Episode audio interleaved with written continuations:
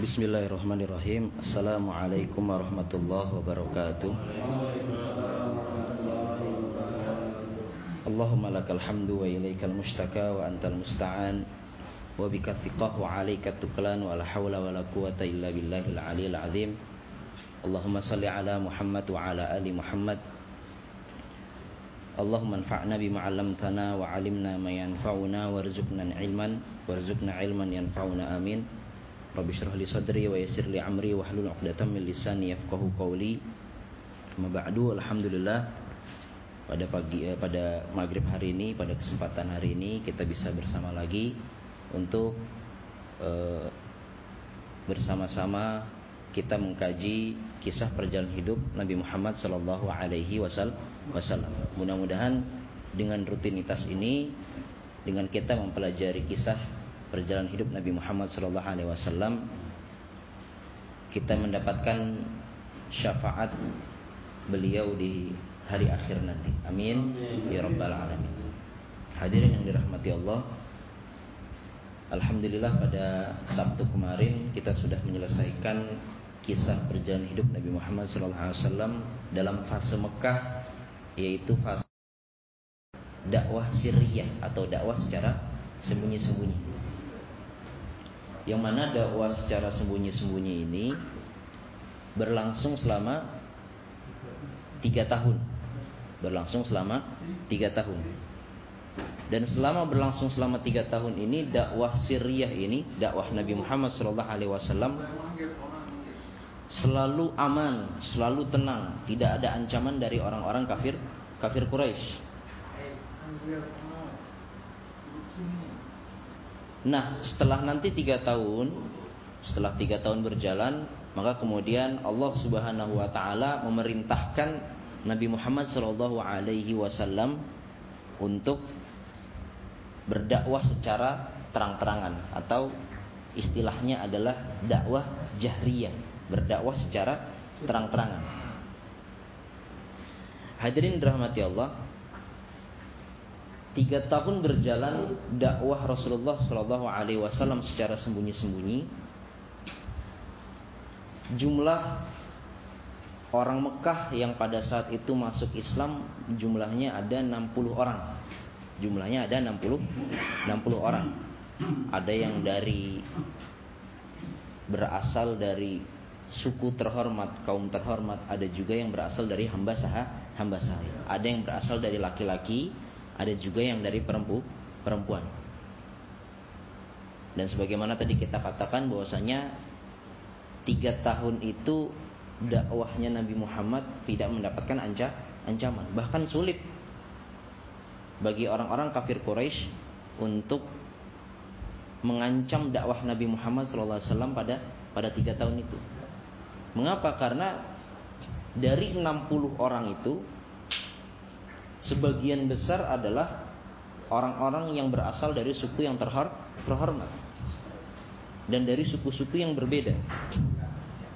Maka dari itu sulit bagi orang-orang kafir Quraisy untuk mengancam atau memberi ancaman kepada dakwahnya Nabi Muhammad Shallallahu Alaihi Wasallam dalam fase dakwah siri Syria.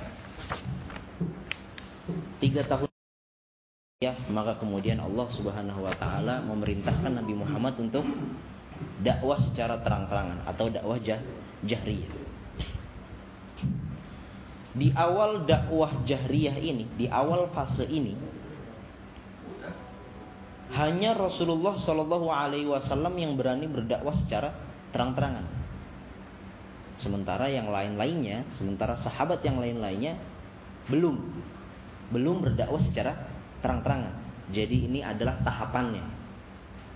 Ini memang adalah tahapan tahapannya. Rasulullah dahulu yang berdakwah secara terang-terangan, tetapi sahabat-sahabat yang lain masih berdakwah secara sembunyi-sembunyi. Jadi jadi ini adalah sebuah sebuah tahapan. Dan dalam dakwah atau di awal fase tersebut Rasulullah pun berdakwah secara terang-terangan pertama kali kepada para kerabatnya. Pada para kerabat kerabatnya. Jadi pertama Rasulullah dahulu yang berdakwah secara terang-terangan, kemudian para sahabat yang lain belum berdakwah dan Rasulullah berdakwah secara terang-terangan hanya kepada para kerabatnya terlebih dahulu. dahulu. Karena pada saat itu perintah Allah Subhanahu wa taala apa kepada Nabi Muhammad? Wa anzir ashiratakal akrobin dan berilah peringatan kepada kerabat-kerabatmu. Jadi ini sebuah tahapan juga. Ini sebuah tahap, sebuah tahapan. Mengapa yang didakwahi pertama kali pada fase ini adalah kerabat, bukan yang lain-lainnya. Mengapa tidak langsung kepada berdakwah kepada masyarakat secara umum, tetapi kenapa hanya pertama-tama ini kepada para kerabat? Maka yang pertama adalah karena fitrah cinta. Fitrah cinta yang ada antara seorang dai yaitu Nabi Muhammad dan kerabat-kerabatnya karena tidak ada penghalang antara kerabat dan seorang dai. Nabi Muhammad mendakwahi kerabat-kerabatnya maka tidak ada penghalang, ada fitrah cinta. Kalau begitu, maka potensi orang yang didakwahi untuk menerima dakwah tersebut sangat be, sangat besar sangat be, sangat besar. Kemudian yang kedua, mengapa Rasulullah Shallallahu Alaihi Wasallam berdakwah kepada kepada para kerabat terlebih dahulu adalah karena kerabat ini atau keluarga bisa memberikan pertolongan dan perlindungan untuk dakwah Nabi Muhammad Shallallahu Alaihi Wasallam. Apalagi kalau keluarganya kerabat-kerabatnya merupakan orang-orang yang terhormat, merupakan keluarga terhormat, merupakan keluarga yang kuat, yang kompak. Seandainya keluarga ini semuanya atau sebagian besarnya berhasil didakwahi oleh Nabi Muhammad dan berhasil masuk Islam, maka akan menjadi penopang penopang paling utama untuk dakwah Nabi Muhammad Shallallahu Alaihi Wasallam. Dan yang ketiga, dan ini yang paling penting, mengapa Rasulullah SAW pada awal fase dakwah jahriyah ini mendakwahi para kerabat terlebih dahulu karena kerabat adalah tanggung jawab utama kita. Tanggung jawab utama seorang dai. Sebagaimana dalam sebuah hadis, kullukum ra'in wa kullukum mas'ulun an ra'iyatihi. Semua dari kita ini adalah penanggung jawab, memiliki tanggung jawab. Wa kullukum mas'ulun an ra'iyati. Dan kita akan diminta pertanggungjawaban kita kepada orang-orang yang berada di bawah tanggung jawab kita. Kita akan diminta pertanggungjawaban kita atas apa yang telah kita lakukan kepada para kerabat kita, kepada para keluarga kita. Itulah mengapa pada awal fase dakwah jahriyah ini Rasulullah Shallallahu Alaihi Wasallam diperintahkan untuk mendakwahi para kerabat terlebih dahulu. Jadi artinya penting bagi penting bagi kita untuk selalu bersilaturahim, untuk selalu menyambung tali silaturahim. Dan perlu untuk kita selipkan dakwah dalam silaturahim kita. Perlu kita selipkan dakwah. Karena sebaliknya kalau kita malah tidak mendakwahi mereka atau kita malah membenci mereka, membiarkan mereka menjauh dari dakwah kita, bisa jadi kerabat-kerabat kita, keluarga kita sendirilah yang akan menjadi halangan dan batu loncatan bagi dakwah dakwah kita. Jadi sekali lagi bahwasanya dakwah kepada para kerabat sangat penting. Sangat penting bagi kelangsungan dakwah dan sangat penting untuk membangun um, umat. Bahkan dahulu saat Nabi Lut diancam oleh para kaumnya, diancam oleh masyarakatnya saat beliau berdakwah. Dan pada saat itu Nabi Lut tidak memiliki keluarga yang kuat, tidak memiliki keluarga yang kompak, tidak memiliki keluarga yang terlalu terhormat. Maka diabadikan kisahnya Nabi Lut oleh Allah Subhanahu wa taala dalam Al-Qur'an. Allah Ta'ala berfirman dalam surat Hud ayat 80 Lau anna li bikum quwwah au awi ila ruknin syadid. Seandainya saja saya memiliki keluarga yang kuat untuk apa?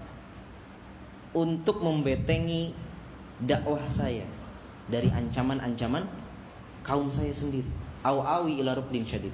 Atau saya meminta tolong atau membentengi dakwah saya, meminta pertolongan dan bertawakal kepada Allah Subhanahu wa taala.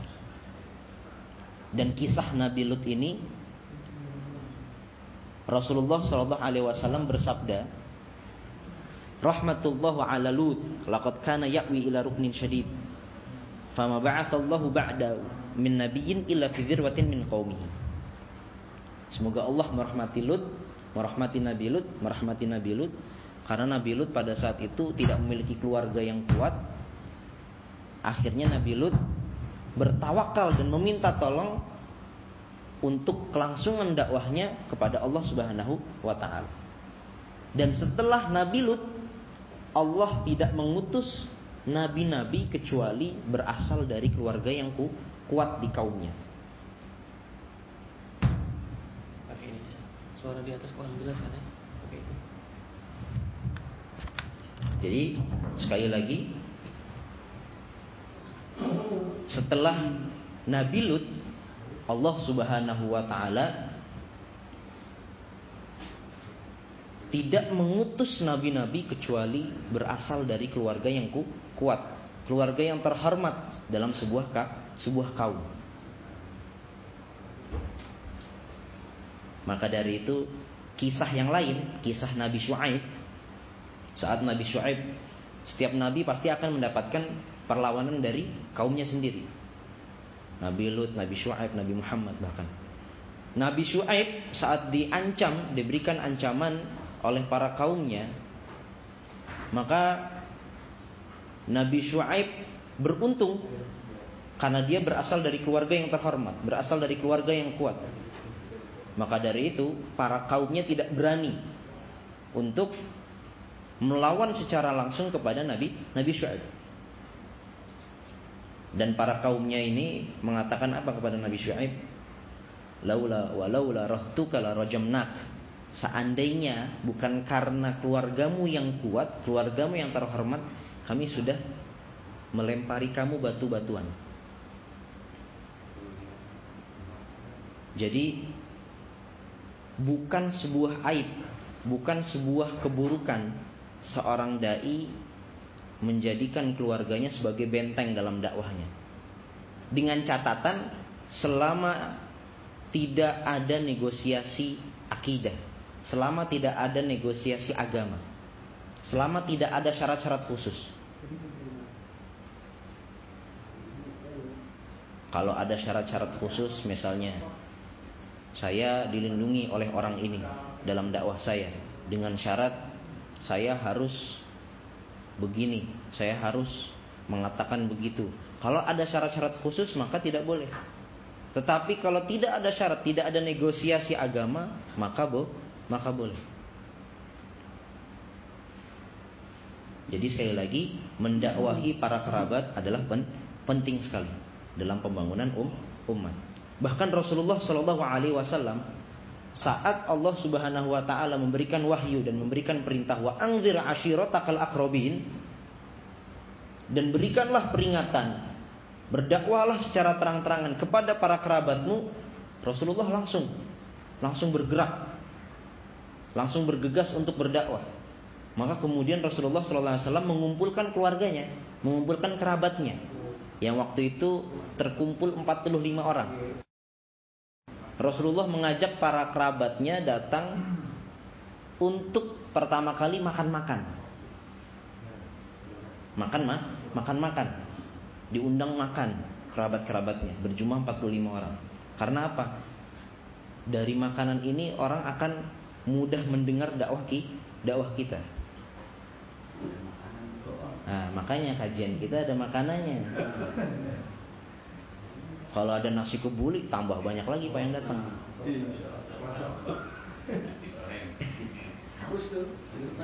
Nah itu dia.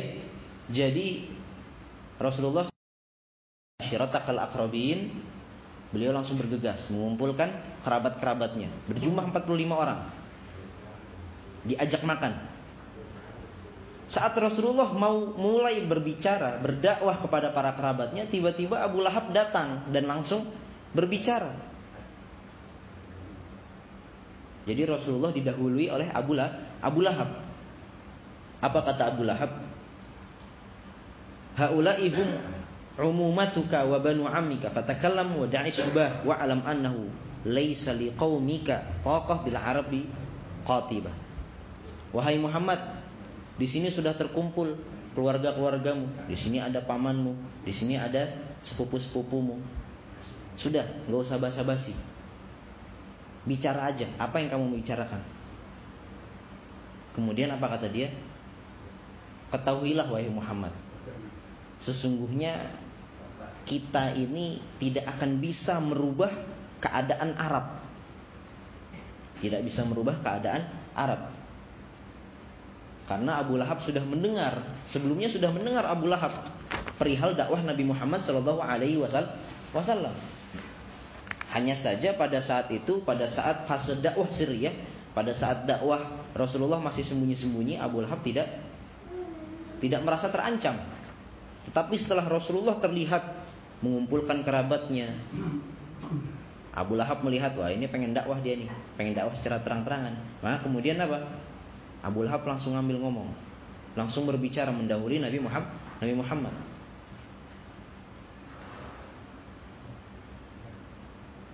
Kemudian Abu Lahab berkata dengan perkataan yang sangat kasar, yaitu apa? ma raaitu ahadan jaa ala bani abihi bi syarrin mimma jita bihi. Aku nggak pernah melihat satu orang pun membawa sebuah membawa sesuatu hal atau berdakwah lebih buruk dari apa yang kamu dakwah dakwahkan, dari apa yang kamu bawa. Jadi Abu Lahab di sini mensifati dakwah Nabi Muhammad SAW adalah sesuatu yang sangat buruk. Sangat bu, sangat bu. Maka kemudian Rasulullah saat melihat Abu Lahab begitu keras berbicaranya, mendahului Nabi Muhammad untuk berbicara untuk berdakwah, kemudian Nabi Muhammad apa? Beliau diam. Beliau di diam. Beliau melihat situasi dan kondisinya nggak pas. Kalau beliau malah berbicara, malah kalau beliau membantah, beliau tidak membantah, beliau tidak mendebat Abu Lahab, Malah beliau malah berdiam karena kondisi dan situasinya tidak tidak kondusif. Dan akhirnya Nabi Muhammad Shallallahu Alaihi Wasallam berpikir untuk baik kali ini kita sudahi dan insya Allah di hari selanjutnya saya akan kumpulkan saya dan saya akan langsung berbicara berbicara supaya tidak didahului oleh Abu Lahab. Maka kemudian Rasulullah SAW kembali membuat perkumpulan para sahabat eh, para kerabatnya.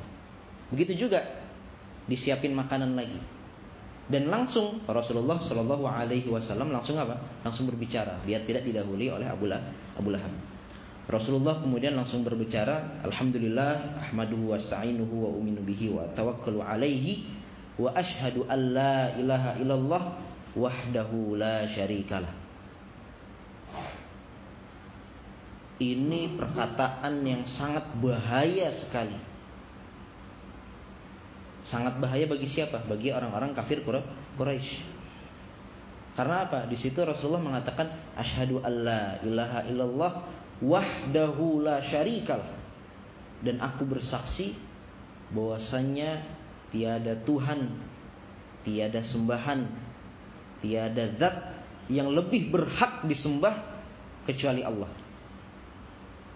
Hanya Allah semata, wahdahu. Hanya Allah semata, la syarikalah. Tidak ada sekutu bagi baginya. Ber, berbahaya mengapa? Karena Tuhannya orang kafir Quraisy siapa? Lata Uzza. Ke mana Lata dan Uzza? Maka itu ini sangat berbahaya. Berpotensi ada ancaman yang akan datang kepada beli, beliau. Kemudian Rasulullah SAW melanjutkan perkataannya. Inna ra'id la yakdzib la yukadzibu ahlahu wallahi alladhi la ilaha illa huwa inni rasulullah ilaikum khasah wa ilan nasi am. Aku tidak akan berdusta kepada kaumku sendiri. Aku tidak akan berdusta kepada kerabatku sendiri sendiri. Dan demi Allah sesungguhnya aku adalah utusan Allah utusan Allah kepada kamu secara khusus dan kepada manusia secara secara umum. Wallahi la tamutunna kama tanamun. Di sini Rasulullah SAW mulai e, memberikan poin-poin akidah, ringkasan-ringkasan akidah, ringkasan-ringkasan keyakinan, ringkasan-ringkasan keimanan. Wallahi la tamutunna kama tanamun. Sesungguhnya demi Allah sesungguhnya kamu akan mati sebagaimana kamu dimatikan oleh Allah saat tidur. Tidur itu kan maut su, maut sogir. Mati kecil. Kemudian Rasulullah mengatakan wala tub'atsunna kama tastaykidun. Dan demi Allah sesungguhnya kalian juga akan dibangkitkan oleh Allah pada hari kiamat nanti sebagaimana kalian dibangkitkan oleh Allah saat bangun dari ti bangun dari tidur. Wala tuhasabunna bima. Dan sesungguhnya kalian akan dihisap segala apa yang kalian laku, lakukan. Wa innaha al jannah abadan awin naru abadan. Dan sesungguhnya di sana ada neraka yang kekal dan juga ada surga yang ke yang kekal. Di sini Rasulullah Shallallahu Alaihi Wasallam memberitahukan simpulan-simpulan keimanan dalam Islam, yang artinya, yang intinya, bahwasannya kalau kalian tidak mau berhenti dari apa yang kalian lakukan, dari menyembah berhala, dari berbuat zalim, dari berbuat keburukan-keburukan yang lainnya, maka pilihannya nanti ada dua, mau surga atau neraka. Kalau mau mengikuti aku, beriman kepadaku, maka ganjarannya adalah surga. Tapi kalau tidak mau mengikutiku, tetap pada di dalam kezaliman, di atas kezaliman, di atas perbuatan menyembah berhala, maka neraka akan menunggu menunggumu. Maka kemudian bagaimana reaksi kerabat Rasulullah Shallallahu Alaihi Wasallam? Reaksi yang pertama adalah reaksi paman beliau yaitu siapa? Abu Tho, Abu Talib. Reaksi yang pertama adalah Abu Tho, Abu Talib. Yang mana Abu Talib ini sangat mencintai Nabi Muhammad. Setelah Rasulullah dahulu saat kecil, setelah Rasulullah Shallallahu Alaihi Wasallam ibunya meninggal, maka yang mengasuh beliau adalah kakek beliau, Abdul Muthalib. Setelah kakek beliau meninggal, yang mengasuh beliau adalah Abu Tho, Abu Talib. Jadi lama Rasulullah SAW diasuh oleh Abu Tho, Abu Talib. Jadi Abu Talib sangat mencintai Nabi Muhammad SAW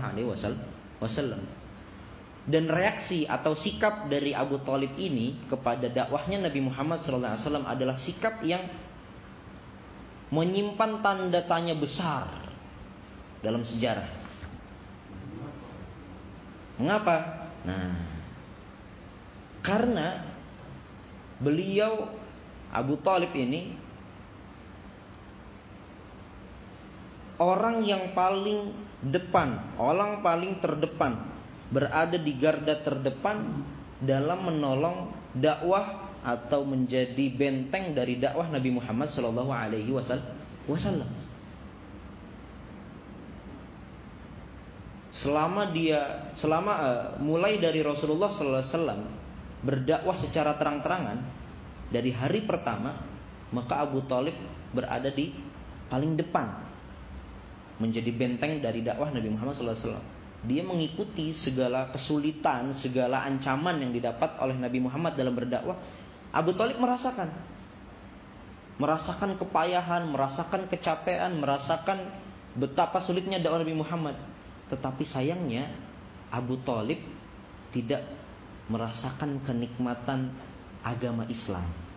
Maka dari itu memiliki tanda tanya besar dari sikapnya Abu Talib. Hingga kemudian turun ayat diabadikan dalam Al-Quran oleh Allah Subhanahu Wa Taala. Inna la tahdi man ahbabta, walakin Allah yahdi mayasya. Sesungguhnya engkau wahai Muhammad tidak bisa memberikan hidayah. Walaupun kepada orang yang paling engkau cinta, cintai. Walakin Allah yahdi man yasha. Sungguhnya Allah lah yang hanya memberikan hidayah kepada siapa saja yang dikendak dikendak. Maka setelah Rasulullah SAW tadi berkhutbah secara singkat kepada para kerabatnya, maka kemudian Abu Talib mengatakan apa? Wahai Muhammad, betapa senangnya hati saya untuk apa? Untuk menolong kamu, untuk menolong dakwah dakwahmu. Karena kami, karena saya, Abu Talib ya, karena saya sangat yakin kamu tidak pernah berdusta. Dan sesungguhnya akulah orang yang paling cepat untuk menolongmu. Aku akan berada di paling terdepan untuk menjadi benteng dari dakwah dakwahmu. Famdi lima umir tadihi teruskanlah dakwahmu ini. Teruskanlah apa yang telah diperintahkan kepada kepadamu. Jadi Abu Talib mengetahui bahwasanya Allah Subhanahu wa taala, bahwasanya Rasulullah wasallam, bahwasanya Nabi Muhammad ini diutus oleh Allah. Abu Talib tahu. Tetapi sayangnya Abu Talib tidak masuk tidak masuk Islam. Maka dari itu Abu Talib mengatakan apa? Fa wallahi la azalu ahutuka wa amna'uka ghaira anna nafsi la tutawi'uni ala firaku dini Abdul Muttalib. Muhammad, saya katakan, saya selama saya hidup, selama saya masih bernafas, saya akan terus menolongmu, menjagamu. Hanya saja, hanya saja saya tidak bisa, tidak kuasa. Hati saya tidak kuasa untuk meninggalkan kebiasaan atau agamanya Abdul Muttalib. Abdul Muttalib. Dia tidak bisa meninggalkan agamanya yang dahulu. Kalau menolong dakwah Rasulullah tetap selama beliau masih hidup, masih bernafas sampai akhir hayatnya dia menolong dakwahnya Nabi Muhammad SAW. Tetapi untuk masuk ke dakwahnya Nabi Muhammad, menerima dakwah beliau, masuk ke dalam Islam, maka tidak kuasa hatinya. Jadi apa yang menghalangi Abu Talib untuk masuk Islam? Jawabannya adalah gak enak hati. Sudah terbiasa dengan adab yang ter, yang yang sudah dahulu. Sudah terbiasa dengan dengan budaya yang dahulu. Dia apa namanya? Baper bahasanya. Iya, lebih ke budaya, Sat budaya yang, yang terdahulu. Maka dari itu, ini kan sebenarnya apa namanya? bertolak belakang. Di satu sisi Abu Talib orang yang paling cepat menolong dakwah Nabi Muhammad, tetapi di satu sisi yang lain dia tidak mau masuk is masuk Islam. Bahkan padahal dia sudah mengetahui bahwasanya Nabi Muhammad ini diutus oleh Allah. Dia mengetahui kebenaran tetapi dia tidak mau masuk is Islam. Di sisi yang lain ada sikap dari Abu Lahab. Nah, lagi-lagi Abu Lahab, Abu Lahab yang tetap berpendirian untuk memusuhi dakwah Nabi Muhammad Shallallahu Alaihi Wasallam. Pada saat itu juga Abu Lahab mengatakan apa? Setelah tadi apa namanya Abu Talib mengatakan seperti itu, maka kemudian Abu Lahab berkata juga hadhihi wallahi as-sau'ah khudhu ala yadihi qabla ya'khudha ghayrukum ini yang yang dibicarakan oleh Muhammad ini keburukan ini sebenarnya. Ini kata Abu Lahab. Amankan Muhammad ini sebelum orang-orang lain nanti akan apa? Akan mengancam hidupnya Nabi Muhammad. Maka kemudian setelah itu Abu Talib langsung mengatakan apa? Wallahi lanamna'ahu mabakin. Demi Allah, saya akan tetap menjaga Muhammad selama saya masih masih hidup, selama saya masih bernafas. Jadi lihat ini ada dua sikap dari kerabatnya Nabi Muhammad. Yang pertama menolong dakwah Nabi Muhammad yaitu Abu Talib. Yang kedua tetap memusuhi dakwah Nabi Muhammad. Ini adalah kisah dari dakwahnya Nabi Muhammad kepada para kerabat, para kerabat. Ini tahap yang pertama. Di tahap selanjutnya datang perintah dari Allah Subhanahu wa taala kepada Nabi Muhammad. Untuk apa? Untuk lebih memperluas jangkauan dakwah. Untuk lebih memperluas jangkauan dakwah. Kali ini Allah Subhanahu wa taala memerintahkan Nabi Muhammad Shallallahu Alaihi Wasallam untuk mendakwahi Quraisy. Tadi kan kerabatnya, kerabatnya ini dari Bani ha, Bani Hashim. Nah kalau ini sekarang Quraisy. Jadi Quraisy memiliki peranakan-peranakan. Bani Hashim banyak. Nah kemarin itu yang di, yang didawai hanya kerabatnya Nabi Muhammad.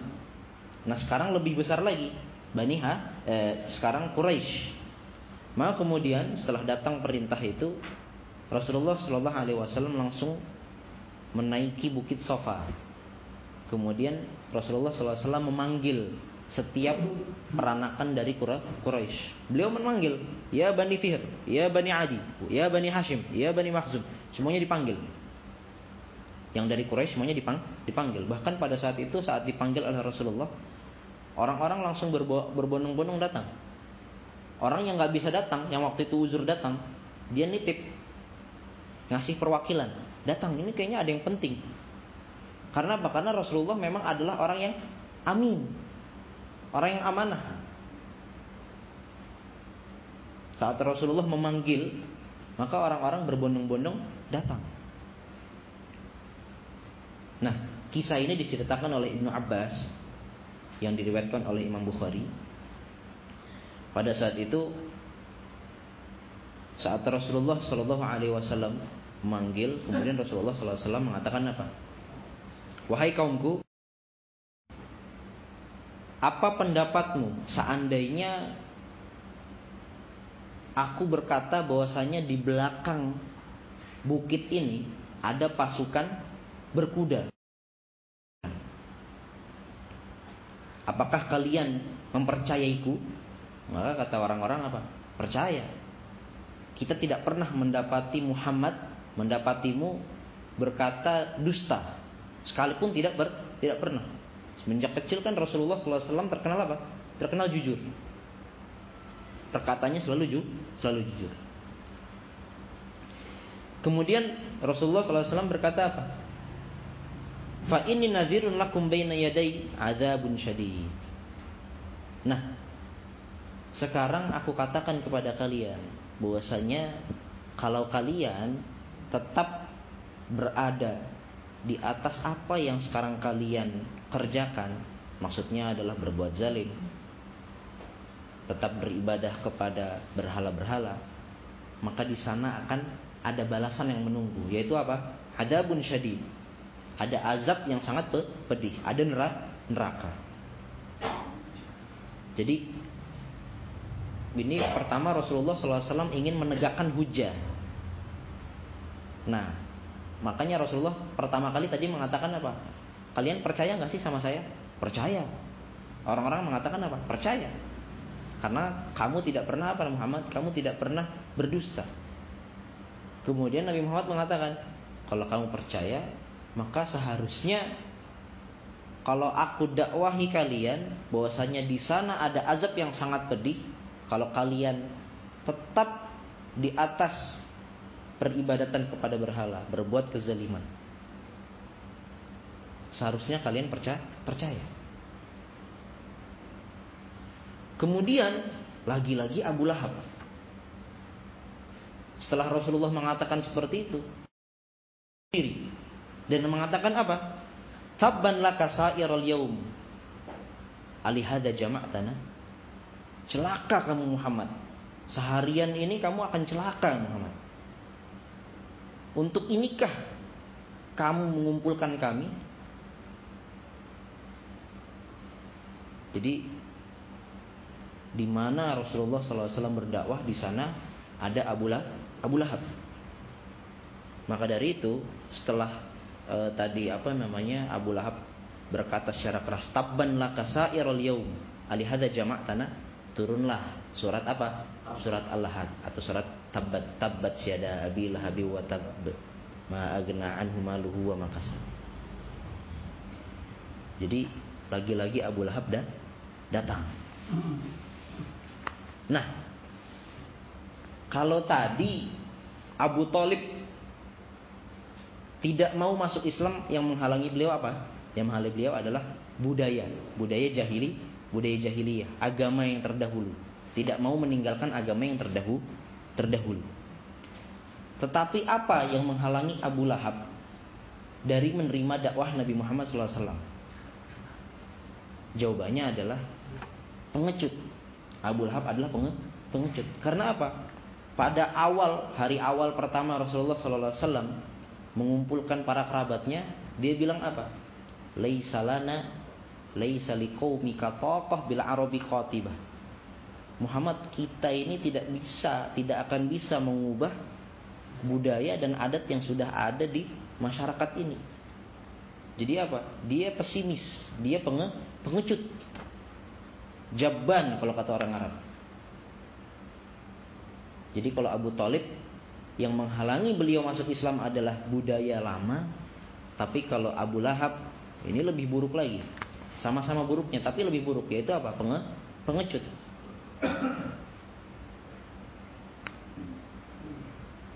Nah inilah bagaimana tadi Rasulullah Shallallahu Alaihi Wasallam mulai melebarkan dakwah dakwah beliau. Sekarang masuk tahap selanjutnya. Dakwah Rasulullah Shallallahu Alaihi Wasallam menjadi lebih lebih luas. Perintah datang dari Allah Subhanahu Wa Taala kepada Nabi Muhammad untuk berdakwah lebih luas lagi. Pertama tadi kepada para kerabatnya saja, Bani Hashim saja. Selanjutnya kepada Quraisy. Sekarang tahap selanjutnya Rasulullah diperintahkan oleh Allah Subhanahu wa taala untuk berdakwah kepada masyarakat Mekah secara secara umum. Maka dari itu ini pada peristiwa ini Allah Subhanahu wa taala mewahyukan kepada Nabi Muhammad sebuah firman Allah dalam surat Al-Hijr ayat 94 yaitu apa? Fasda bima tu'mar wa a'rid anil jahilin. Dengan ayat inilah Allah Subhanahu wa taala memerintahkan Nabi Muhammad untuk berdakwah secara lebih luas lah, lebih luas lagi. Bukan hanya kepada Bani Hashim, bukan hanya kepada Quraisy, tetapi kepada seluruh masyarakat Mekah. Fasda bima tu'mat wa a'rid anil jahilin. Tetap lanjutkan apa yang diperintahkan kepadamu. Wa a'rid anil anil musyrikin, bukan anil jahilin. Wa a'rid anil musyrik musyrikin dan berpalinglah dari orang-orang musyrik. Di sini mulai mulai saat ini dari ayat tersebut ada dua unsur. Ada dua unsur atau dari firman Allah Subhanahu wa taala ini kepada Nabi Muhammad. Yang pertama adalah fasda bima tu'mar. Tetap berjalan dakwah. Berdakwah secara terang-terangan, lebih luas lagi kepada masyarakat Mekah. Yang kedua adalah wa'arid anil musyrikin. Berpalinglah dari apa? Dari orang-orang musyrik. Berpaling dari ancaman-ancamannya. Mau nanti saat kamu berdakwah kemudian ada ancaman-ancaman, ada apa lagi? Ada kecaman-kecaman, maka sudah anggap angin le angin lewat. Tetap berdakwah. Karena apa? Semenjak saat itu keadaan Mekah semakin panas. Semakin apa? Semakin panas. Bahkan banyak beberapa kaum, beberapa suku yang kemudian berkumpul untuk membuat membuat siasat bagaimana caranya untuk menghentikan dakwah Nabi Muhammad Shallallahu Alaihi Wasallam. Hadirin yang dirahmati Allah. Sampai saat itu yang berdakwah secara terang-terangan hanya Nabi Muhammad Shallallahu Alaihi Wasallam dan tidak ada di antara para sahabatnya yang waktu itu sudah masuk Islam yang menolong atau membantu dakwah beliau. Artinya menjadi benteng dakwah beliau tidak ada. Kecuali siapa? Kecuali Abu Talib. Abu Talib. Nah, saat kemarin Rasulullah SAW dikatakan oleh Abu Talib bahwasanya Abu Talib akan menjaga beliau, akan menjadi benteng dari dakwah beliau, maka Rasulullah SAW menerima.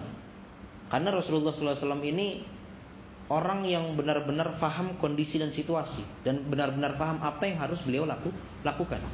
Maka saat Abu Talib mengatakan e, saya akan menjagamu, Nabi Muhammad tidak tidak mengatakan wah Abu Talib orang kafir, nggak boleh dia menjaga saya, enggak. Sebagaimana tadi kita katakan, selama orang yang mau menjaga dakwah kita tidak memberikan syarat tidak ada negosiasi agama, maka apa? Maka bo, maka boleh.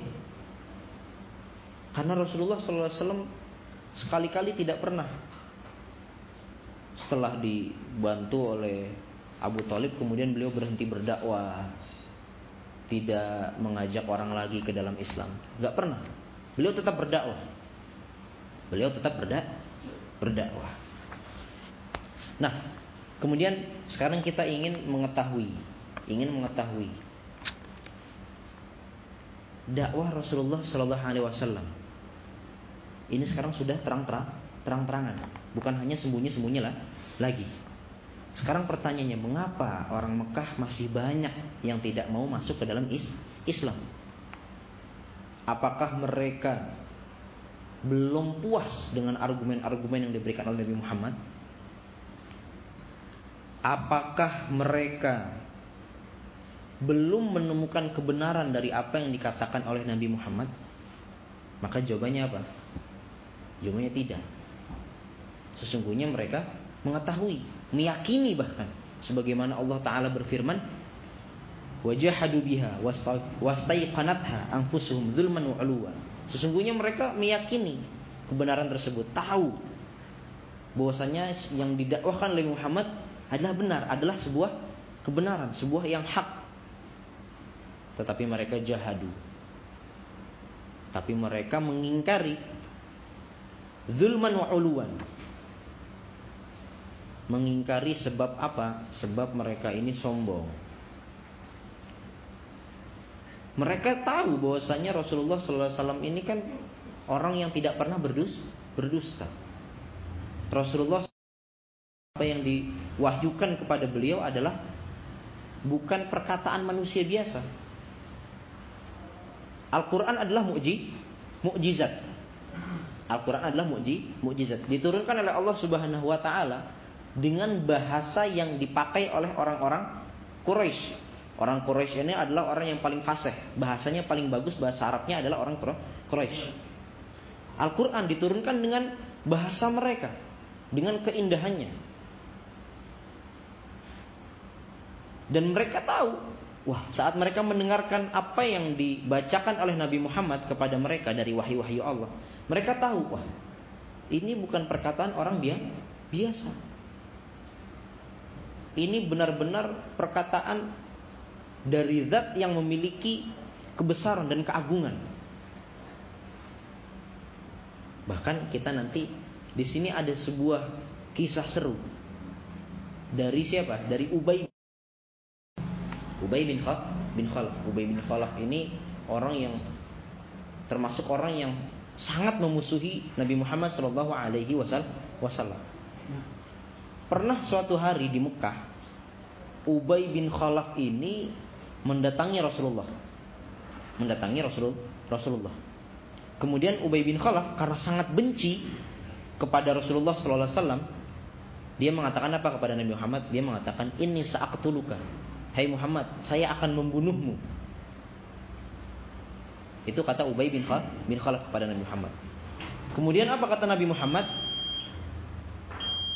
Kita ini dulu ya. Iya. Azan dulu ya. Ya. Jadi salah satu eh, fenomena masyarakat Mekah tidak mau menerima dakwah Nabi Muhammad, tidak mau masuk Islam, padahal mereka mengetahui kebenaran. Mereka mengetahui Nabi Muhammad adalah orang yang jujur. Mereka mengetahui bahwasanya Al-Qur'an benar firman Allah, bukan perkataan orang manusia dia biasa. Adalah kisah Ubay bin Khalaf. Saat di Mekah Ubay bin Khalaf pernah bertemu kepada Rasulullah, kemudian mengatakan apa? Ini saat saat tulukan. Sesungguhnya aku akan membunuhmu wahai Muhammad. Maka kemudian Rasulullah SAW mengatakan apa? Bal ana aktuluka insya Allah. Tapi aku nanti yang akan membunuhmu wahai Ubay bin bin Khalaf insya Allah. Ini dikatakan oleh Nabi Muhammad peristiwa ini terjadi di mana di, Mek di Mekah. Bertahun-tahun pada saat itu terjadi perang Uhud. Terjadi perang Uhud. Uhud di mana, Pak? Di Madi di Madinah. Ubay bin Khalaf datang ke Madinah dari Mekah untuk memerangi Nabi Muhammad, Nabi Muhammad dan para sahabat. Pada saat di perang Uhud, Ubay bin Khalaf pada saat itu, saat dia baru saja turun dari apa namanya, dari turun dari kudanya, Rasulullah langsung melemparkan panah ke arah Ubay bin bin Khalaf dan terkena di sekitar bahu atau lehernya. Terkena sedikit. Berdarah. Kemudian Ubay bin Khalaf langsung lari dan dibawa oleh oleh, oleh para kawan kawan-kawannya. Dan pada saat itu Ubay bin Khalaf sangat teriak, menangis begitu jadi-jadi. Nangis jadi-jadi, sejadi-jadinya. Dan para sahabatnya waktu itu mengatakan apa? Para kawan-kawannya Ubay bin Khalaf mengatakan, "Tenang, tenang Ubay bin Khalaf. Ini hanya luka sedikit." Ini hanya luka sedikit, sedikit. Tetapi Ubay dan sangat begitu kencang nangisnya walaupun hanya ter, terkena sedih, sedikit. Kemudian Ubay bin Khalaf mengatakan apa kepada para kawannya? Innahu qala li bi Makkah an aqtuluka fa wallahi law basaqa alayya laqatalani. Yang membuat Ubay bin Khalaf pada saat itu menangis jadi-jadinya adalah bahwasanya dia teringat, wahai kawan-kawan saya teringat saat di Mekah dahulu Muhammad mengatakan apa? Aku akan membunuhmu wahai Ubay bin Khalaf. Artinya dia yakin bahwasanya apa yang dikatakan Nabi Muhammad itu akan benar terjadi di kemudian di kemudian hari. Sampai dia mengatakan apa? Lau basaqa alayya. Seandainya saja tadi saat aku terkena panah, kemudian aku terjatuh tidak lari, kemudian Nabi Muhammad menghampirinya, kemudian meludahinya, maka itu bisa jadi akan membunuh membunuh Ubay bin Khalaf. Saat kesakitan Ubay bin Khalaf benar-benar yakin apa yang dikatakan Nabi Muhammad di Mekah terjadi di kemudian di hari. Akhirnya apa? Saat perjalanan pulang dari perang Uhud tersebut, Ubay bin Khalaf pulang ke Mekah di tengah perjalanan Ubay bin Khalaf mening meninggal. Dan dia walaupun sudah mengetahui bahwasanya apa yang dikatakan oleh Nabi Muhammad adalah kebenaran dia tetap tidak meyakini dan tidak beriman kepada Nabi Muhammad Shallallahu Alaihi Wasallam. Ini satu fenomena, suatu fenomena, satu fenomena. Kemudian tadi kita sebutkan bahwasanya beberapa penghalang mengapa kemudian masyarakat Mekah tidak mau masuk Islam salah satu penghalangnya tadi adalah budaya lama seperti apa yang e, terjadi oleh kepada Abu Tho, Abu Talib atau pengecut seperti Abu Lah, Abu Lahab. Nah, di sana ada sebab-sebab lain. Ada halangan-halangan yang lain. Mengapa masyarakat Mekah tidak mau masuk ke dalam Islam, tidak mau menerima dakwah Nabi Muhammad Shallallahu Alaihi Wasallam? Kita akan sebut sebutkan. Yang pertama, yaitu fanatik suku. Fanatik su, fanatik suku. Di Mekah ini kan banyak suku-suku, banyak kabilah-kabilah. Bahkan dalam satu eh, satu kabilah atau misalnya Quraisy terdapat peranakan-peranakan lagi. Nah, pernah suatu kali Abu Jahal, Abu Jahal yang berasal dari apa? Dari Bani Mah, Bani Mahzum pernah berkata, kita ini selalu berselisih dengan Bani Hashim. Berselisih dalam apa? Dalam hal mana yang paling mulia di antara kita. Seandainya Bani Hashim memberikan makan kepada orang lain, kita juga nggak mau kalah. Kita memberikan makan juga kepada orang lain. Kalau orang uh, kalau orang-orang Bani Hashim memberikan harta sedekah kepada orang-orang lain, kita juga nggak mau kalah. Bahkan apa? Orang-orang Bani Mahz, orang-orang Bani Hashim mengatakan minna nabiyyun ya'tihil wahyu minas sama. Famata nudriku hadhihi. Wallahi la nu'minu bihi abadan wa la nusaddiquhu. Orang orang Bani Hashim yang waktu itu tidak mau masuk Islam mengatakan apa? Nah, dari suku kami aja ada ada nabi di dalam di antara kita ada yang menjadi nabi, mendapatkan wahyu dari langit, mendapatkan wahyu dari Allah. Maka orang-orang Bani Mahsum mengatakan apa? Wah, kalau begitu kami tidak akan pernah mau beriman kepada Muhammad karena Muhammad berasal dari Bani ha, Bani Hashim. Lihat fanatik su, fanatik suku. Karena nabinya berasal dari suku lain, dia tidak mau beri, beriman. Nah ini kita saat kita saat saat kita mengkaji, membicarakan halangan-halangan, sebab-sebab masyarakat Mekah pada saat itu tidak mau menerima dakwah Rasulullah. Ini bukan berarti kita hanya berbicara tentang peristiwa yang terjadi di Mekah. Hal-hal seperti ini bukan hanya terjadi di Mekah, tidak hanya terjadi pada saat Rasulullah masih hidup, tapi terjadi juga sebelum Rasulullah SAW diutus pada zaman nabi-nabi sebelumnya, bahkan terjadi pada saat hari ini juga. Hari ini juga. Dulu Turki Utsmani bisa hancur, bisa bubar Turki Utsmani. Sebab apa? Sebab orang-orang musuh-musuh kita, orang-orang kafir, orang-orang barat menggunakan cara ini. Menghembus-hembuskan, membuat opini agar orang Arab merasa berbeda dengan orang Turki. Kalau sudah merasa berbeda, orang Arab orang Arab, orang Turki orang Turki. Tidak merasa kami Muslim, tidak merasa. Dibuat orang Arab orang Arab merasa, orang Turki orang Turki. Akhirnya apa? Berpecah belah. Terjadi keributan. Akhirnya Turki Utsmani bu, bubar. Begitu juga apa yang dilakukan oleh orang oleh kerajaan Perancis untuk menghancurkan, untuk menjajah Jazair. Di Jazair itu kan ada orang Arab, ada orang bar, orang barbar. Semuanya orang Muslim. Tetapi orang-orang Prancis, kerajaan Prancis, orang-orang kafir dari Prancis menggunakan cara ini, fanatik suku. Jadi orang Arab dibikin opininya merasa orang Arab. Orang barbar jadi orang bar barbar, merasa kesukuan bahkan di negara kita. Dulu kita ini Nusantara kan satu sama Malaysia, sama Brunei.